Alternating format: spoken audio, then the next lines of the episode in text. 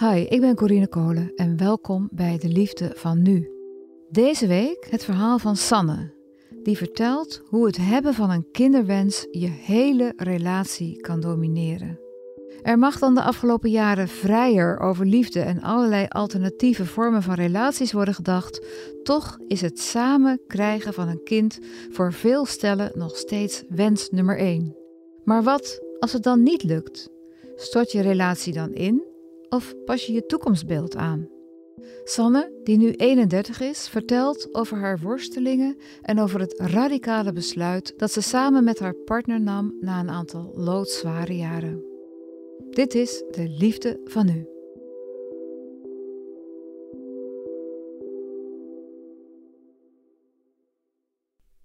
Ehm, ik stelde het me voor dat we nadat we getrouwd waren, nog een jaar ongeveer, gewoon even uh, gingen settelen. En dat we een, uh, eigenlijk een standaard Nederlands gezin zouden worden. Met uh, twee kinderen en een hond in een Phoenix-wijk. Dat we met elkaar op vakantie zouden gaan met de kinderen. En dat we met alle vrienden, die ook allemaal dezelfde ki de kinderen van dezelfde leeftijd hebben, um, naar een vakantiepark zouden gaan en leuke dingen zouden doen. En dat de kinderen allemaal weer vriendjes van elkaar zouden worden. En dat het eigenlijk één grote happy family was. En dat was je ideaal? Nou, dat weet ik niet precies. Maar het was in ieder geval wel wat sowieso de maatschappij van me had verwacht. En wat ik dacht dat, dat ik dat graag zou willen. Die Phoenixwijk, woonden jullie daar toen al? We zijn in de Phoenixwijk gaan wonen toen we uh, zijn getrouwd. Eigenlijk allemaal in hetzelfde jaar, met het oog op de toekomst. Hoe zag het eruit als je uit het raam keek? Wat zag je dan? Ja, allemaal een beetje dezelfde uh, jaren dertig geïmproviseerde woningen. Die eigenlijk hartstikke nieuwbouw zijn. Um, met allemaal twee auto's voor de deur, uh, twee werkende mensen, um, een hele ook blanke wijk, dus weinig zeg maar multicultureel. En iedereen zat om de, om de moment stond er eigenlijk wel een geboortebord in de tuin. Ja, en jullie vrienden die, die waren ook allemaal nou, tamelijk jong uh, gaan samenwonen. Ja. En die waren ook al een beetje bezig met kinderen. Ja. Die zaten allemaal in dezelfde soort fase als jullie. Ja, ja, dat liep eigenlijk heel gelijk op. Heb je dat altijd gewild? Heb je altijd kinderen gewild nee. toen je jong was? Nee, eigenlijk uh, niet. Ik zag mezelf nooit als moeder. Wanneer veranderde dat? Ja, nadat ik pas met Lars echt samen was en dat we een uh, gezin, uh, of tenminste dat we getrouwd waren en dat we een gezin konden stichten en dat ik ook echt kinderen van hem zou krijgen.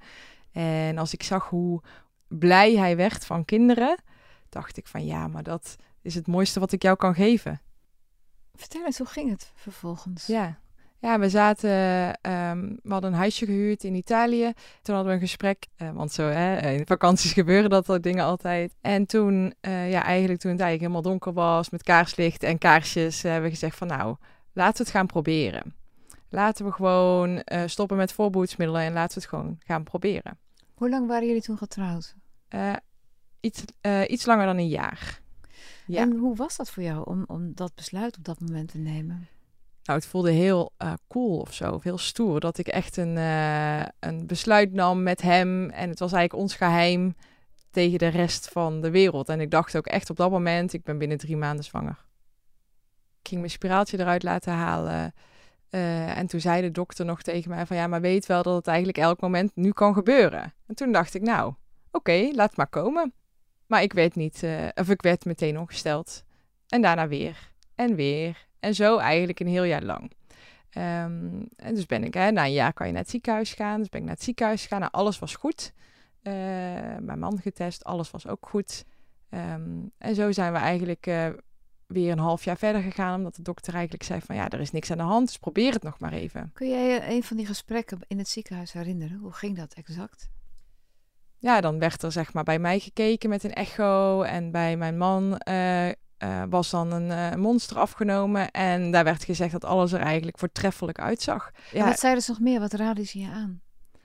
Ja, ze raden aan om om de dag gemeenschap te hebben. Um, om gezond te eten. Weinig te drinken tot niet te drinken. Natuurlijk niet te roken. Eigenlijk gewoon heel gezond te leven. Maar je moest er ook vooral niet te veel mee bezig zijn. Maar goed, dat, die, die fase ben je dan eigenlijk al lang voorbij. Uh, Heb je je eraan gehouden om de dag gemeenschap? Ja, ja, dus hoe moe we ook waren, hoe weinig zin we ook hadden. Die wens was sterker dan alles. En hoe ging dat dan? Ja, dan ging het heel ehm, bijna eh, als een robot.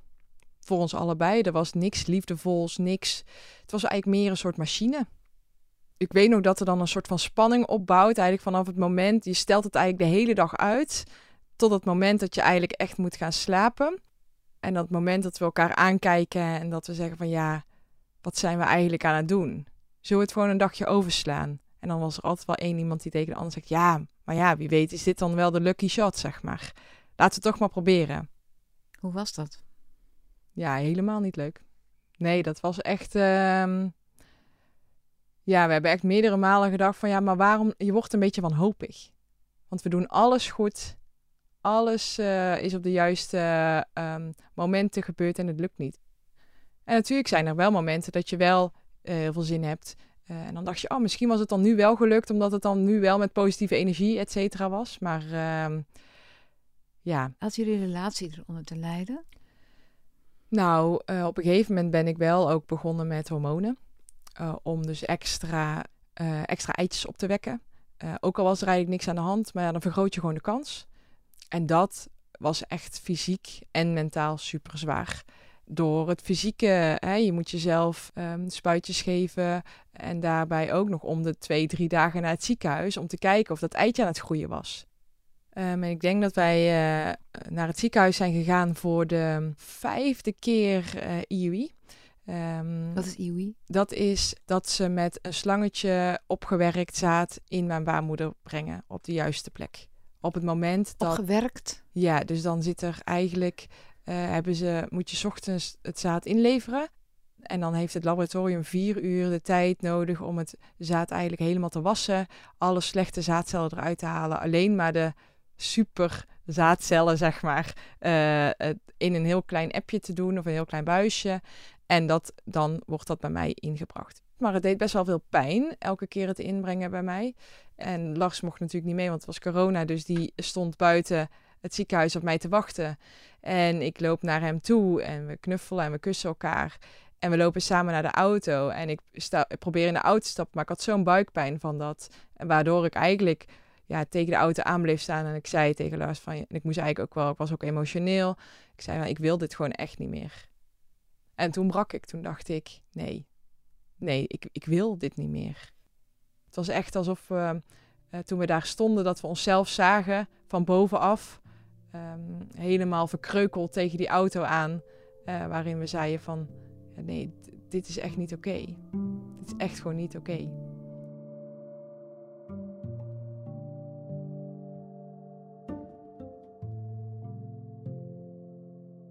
En het gekke is, is dat over, nou ja, het gekke niet. eh, we hebben, het is vier keer wel gelukt, maar we hebben vier miskramen gehad. En dat is echt heel heftig. Eh, Na hoeveel maanden? ehm, ja, allemaal eigenlijk, eh, of bedoel je de maanden? De, de zwangerschap, hoe lang heeft die Ja, geduurd? allemaal tussen de zes en de 13 weken. Dus dat is echt wel. dus je krijgt dan te horen van je bent zwanger, hoera. Ja, En dan ga je naar huis en dan denk je over negen maanden... zet ik ook zo'n bord in mijn tuin? precies, precies. Kun je me vertellen hoe, hoe mo- een van zo'n momenten... herinner je je vast nog wel. Kun je me vertellen hoe dat, dat Ja. moment ging? Ja, ik denk het- degene die het me het meeste. Het zijn twee momenten die me eigenlijk het meeste zijn bijgebleven. De eerste was de eerste keer dat ik eh, ehm, eigenlijk zwanger was. Na hoeveel jaar of, of hoeveel tijd was dat? Eh, ik denk na een, een jaar in het ziekenhuis. Dus dat is ongeveer na twee jaar proberen, zeg maar. Ik ehm, voelde me gewoon echt niet fijn. Ik was wel een beetje ongesteld geweest, maar het was gewoon heel anders dan anders. En toen dacht ik van, nou, dan ga ik toch alsnog eh, een zwangerschapstest doen. En die gaf positief aan. En toen eh, heb ik een paar dagen achter elkaar een zwangerschapstest gedaan. En toen zag ik dus dat het streepje steeds minder was. Dus het, ja, het was al eigenlijk aan het loslaten. En toen heb ik daarna de miskraam gekregen. Maar dat is dan eigenlijk alleen nog maar een, ja, een klontertje met cellen. Dus dat zie je eigenlijk ook niet zo goed. Maar dat was wel de eerste keer dat ik echt een positieve zwangerschapstest had gedaan. En ik herinner me nog heel goed dat ik dat boven deed en dat Lars beneden zat.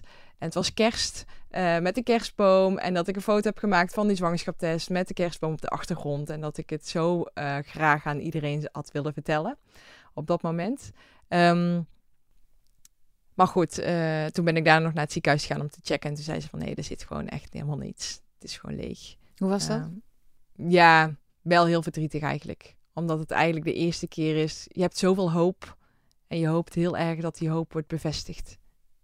Ik denk dat dat ook het moment is geweest waarin ik heb besloten om me nooit meer zo ehm, over te laten halen in mijn geluk. Omdat ik destijds ben ik zo ehm, eigenlijk van mijn roze wolk afgevallen.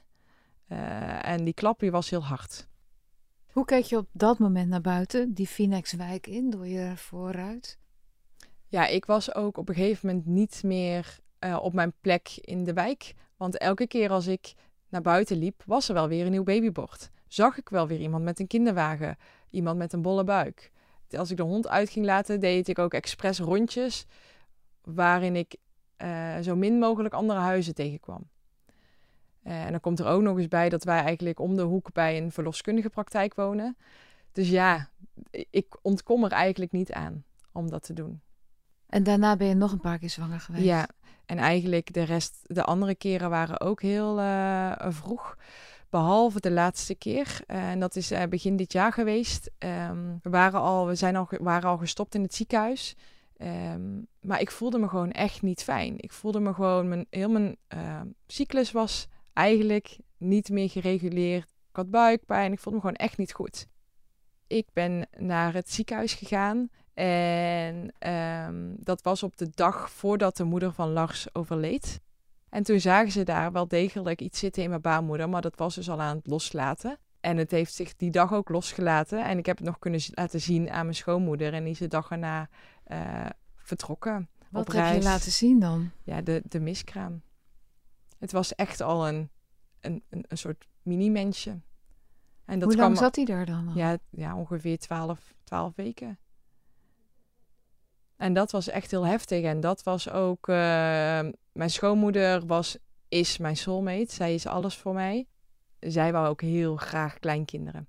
En um, het is bijna iets symbolisch dat dit gebeurt op de dag dat zij. Overleed. Ja. Ja. Dus ik, ik, dacht van ja, ik wil het heel graag laten zien aan haar. Dus het, het is gebeurd in het ziekenhuis bij haar. Daar kreeg ik heel erg buikpijn. Toen ging ik naar het toilet en toen kwam dat eruit. Toen had je een overleden schoonmoeder met wie je een enorme sterke band ja. had. Je had een overleden kind. Ja. Hoe was je dan toe? Slecht. Ja. Het is eigenlijk een soort van allebei het afsluiten van levenscyclus uh, van elkaar. Ja, van zowel het, de, de vrucht als van mijn schoonmoeder. Um, ja, dat was denk ik ook wel het moment waarop we hebben besloten van we gaan nu voor onszelf leven. En we gaan nu stoppen met alles. We gaan ons leven omgooien. We gaan elke dag kan zomaar de laatste zijn. Is er, eh, want hoe lang waren jullie toen al aan het proberen, zal ik maar zeggen, met ziekenhuis en al? Ja, zo'n uh, vier, vijf jaar toch al wel. Dus vier, vijf jaar, elke twee dagen, soms tegen je zin in. Ja, nou ja, nadat we eigenlijk zijn gestopt bij het ziekenhuis, is dat wel langzaamaan weggeëpt. En, um... Maar het was wel eens een ommezwaai. Vertel eens hoe dat want hoe ging dat dan?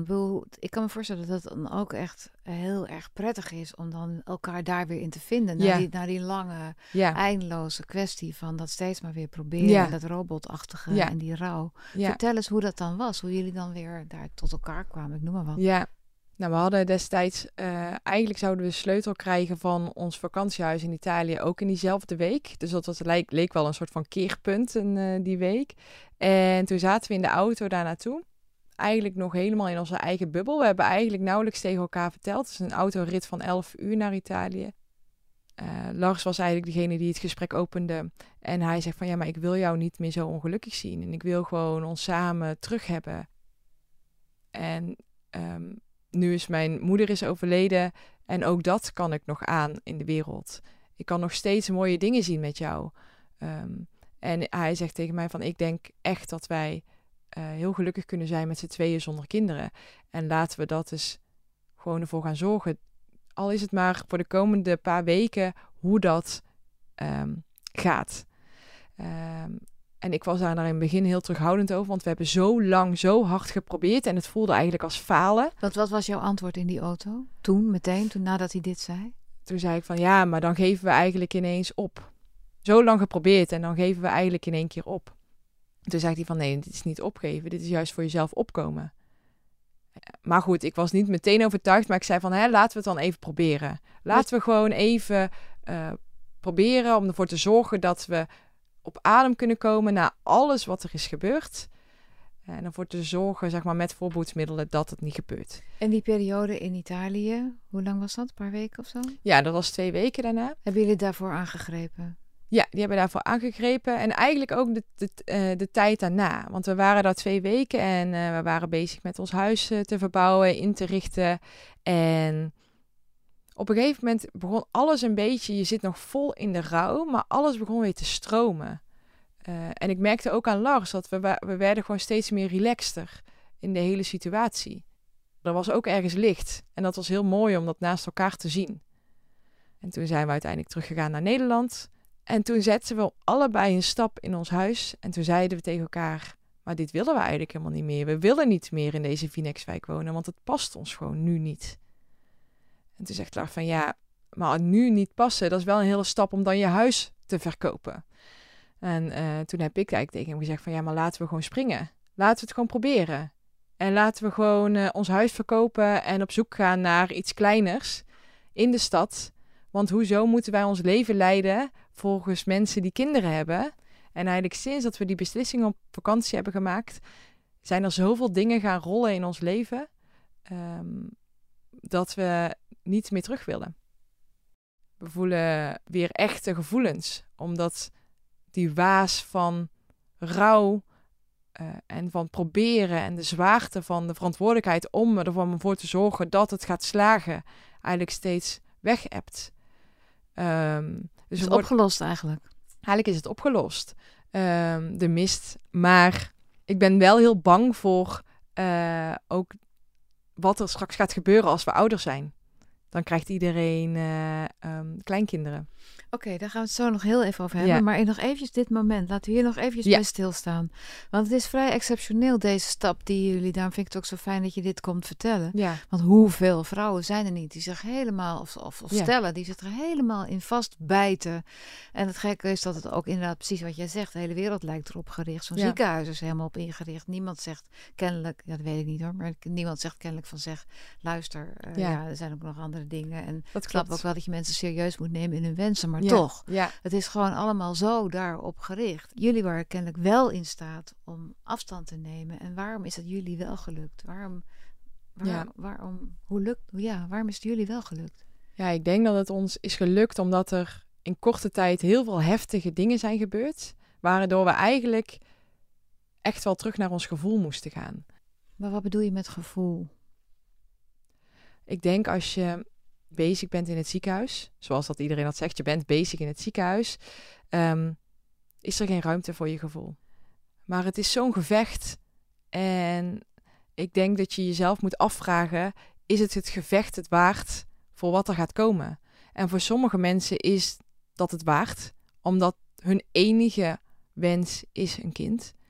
Maar Lars en ik hadden um, na heel veel gesprekken ook nog heel veel andere wensen. En als je meer andere wensen hebt, um, dan is het misschien wel zo dat ja, de, het kinderstukje niet jouw pad is. Maar bij ons was het blijkbaar dus niet alles overheersend meer daarna. Jullie zijn nu twee maanden verder, drie maanden verder na dit besluit, na die autorit? Um, nou, wel wel iets verder, verder, denk ik, want het was in februari. Ja, ja. dus jullie zijn uh, halfjaartje half ongeveer. Jaar verder. Ja. Hoe is het nu? Jullie zijn nog steeds aan de voorbehoedsmiddelen en jullie hebben dit hoofdstuk gewoon helemaal afgesloten. Ja, uh, dat klopt. We hebben het hoofdstuk helemaal afgesloten. Het is zelfs zo dat we ons beter voelen dan ooit tevoren. We voelen ons meer verbonden met elkaar. We kunnen nu ook gewoon genieten van, noem maar iets, een drankje of een koffietje s ochtends.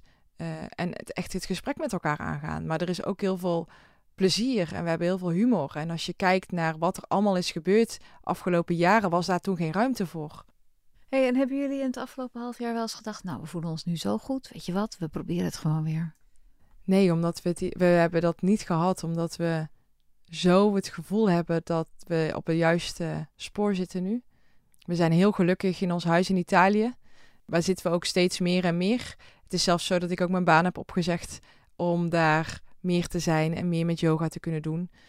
Want dat is natuurlijk ook een voordeel van geen kinderen hebben, is dat je ook geld overhoudt. hey, en zijn alle twijfels, aarzelingen, angsten weg?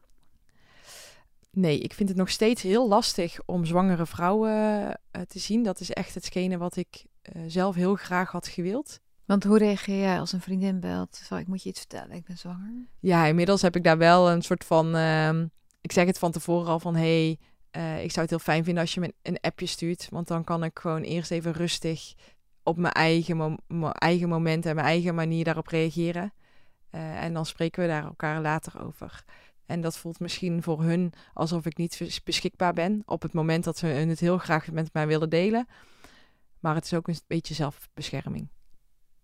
Ik zou zo graag zelf zwanger willen zijn. En het is ook zo in your face, want het is zo'n grote buik. En sommige vrouwen zien er zo prachtig uit als ze zwanger zijn. En dan denk ik, oh, er groeit gewoon een mensje in jou. Hoe zou dat nou voelen? En daarna romantiseer ik natuurlijk ook wel die eerste weken. Want het lijkt mij zalig om op een roze wolk met je babytje in bed te liggen. Nou weet ik ook wel dat ik dat romantiseer. Maar dat zijn wel de dingen die ik heel lastig vind. Maar um, ik weet het nu van mezelf. En ik weet dat ik dan ook gewoon een muurtje om me heen optrek. En die gaat vanzelf wel weer weg als de baby er is.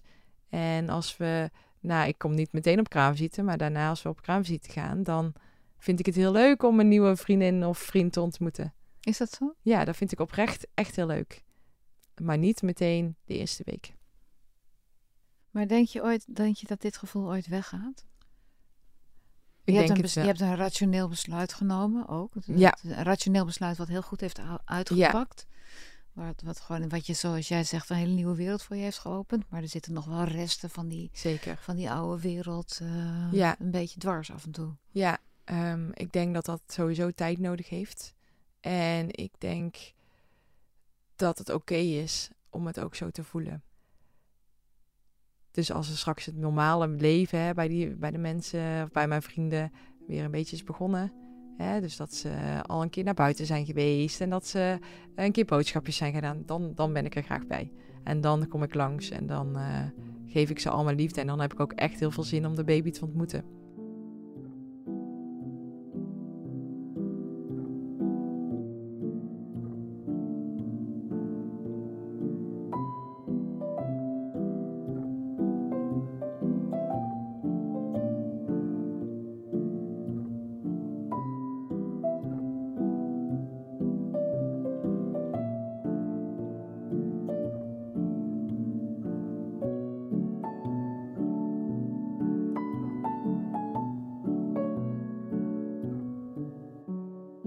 Dit was De Liefde van Nu. Wil je reageren of met mij in contact komen? Mail dan naar deliefdevanu@volkskrant.nl. Mijn naam is Corine Kolen. Ik maak deze podcast samen met Mona de Brouwer, tevens editor. Eindredactie en coördinatie is van Corinne van Duin en de begin- en eindmuziek is gemaakt door Juriaan de Groot. Dank je voor het luisteren.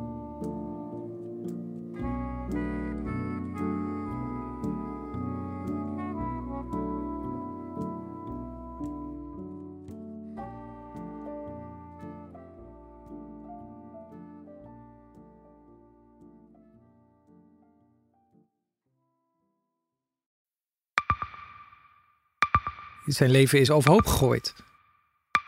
Plus dat heel veel mensen hem niet geloven. Vrienden niet, die, die denken, ja, hij is gewoon gek geworden. Hoe naar moet dat zijn? Als je vertelt over de meest indringende ervaring uit jouw leven en niemand gelooft dat je het echt hebt meegemaakt. Ja, ik vind zelf niet dat ik het verzonnen heb, maar sommige mensen denken dat wel. Maar hoe kom je erachter of jij het doelwit bent van een geheime dienst? Ik heb ook wel eens meegemaakt dat je het idee hebt dat inlichtingendiensten in je geïnteresseerd zijn. En dan kun je wel heel veel zien, wat er misschien helemaal niet is. Als ik s'avonds nog iets ging eten, dan volgden die mensen mee naar het restaurant. En dan terug van het restaurant naar het hotel. Als zij op een gegeven moment zei, kijk maar uit, want anders word je dadelijk nog ontvoerd ook. Shit, ik moet hier weg. Dat is, dat is niet goed. Nu word ik gevolgd. Een soort Truman Show is het gewoon. Hè? Alsof dat hele straatbeeld voor jou is ingericht. Maar dan wel met bedoeling ja, jou niet door te laten. Dit kan geen toeval zijn. Een nieuwe podcast van de Volkskrant. Mijn naam is Simone Eleveld en samen met Huid Modderkolk ontrafel ik een bizarre operatie van de geheime dienst.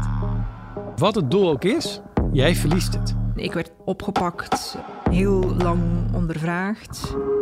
Maar hoe krijg je grip in een wereld die zo onderzichtig is? Als je zou liegen, dan zou je niet de meest relevante informatie twee jaar later tussen neus en lippen doorvertellen. Er zal nooit iemand zeggen, oké Bart, ik geloof je. Nooit, nooit. Dit kan geen toeval zijn. Vanaf 3 oktober bij de Volkskrant. Ik weet niet of ik ook alles kan vertellen. Het is echt te bizar. Wat? Ehm, ja,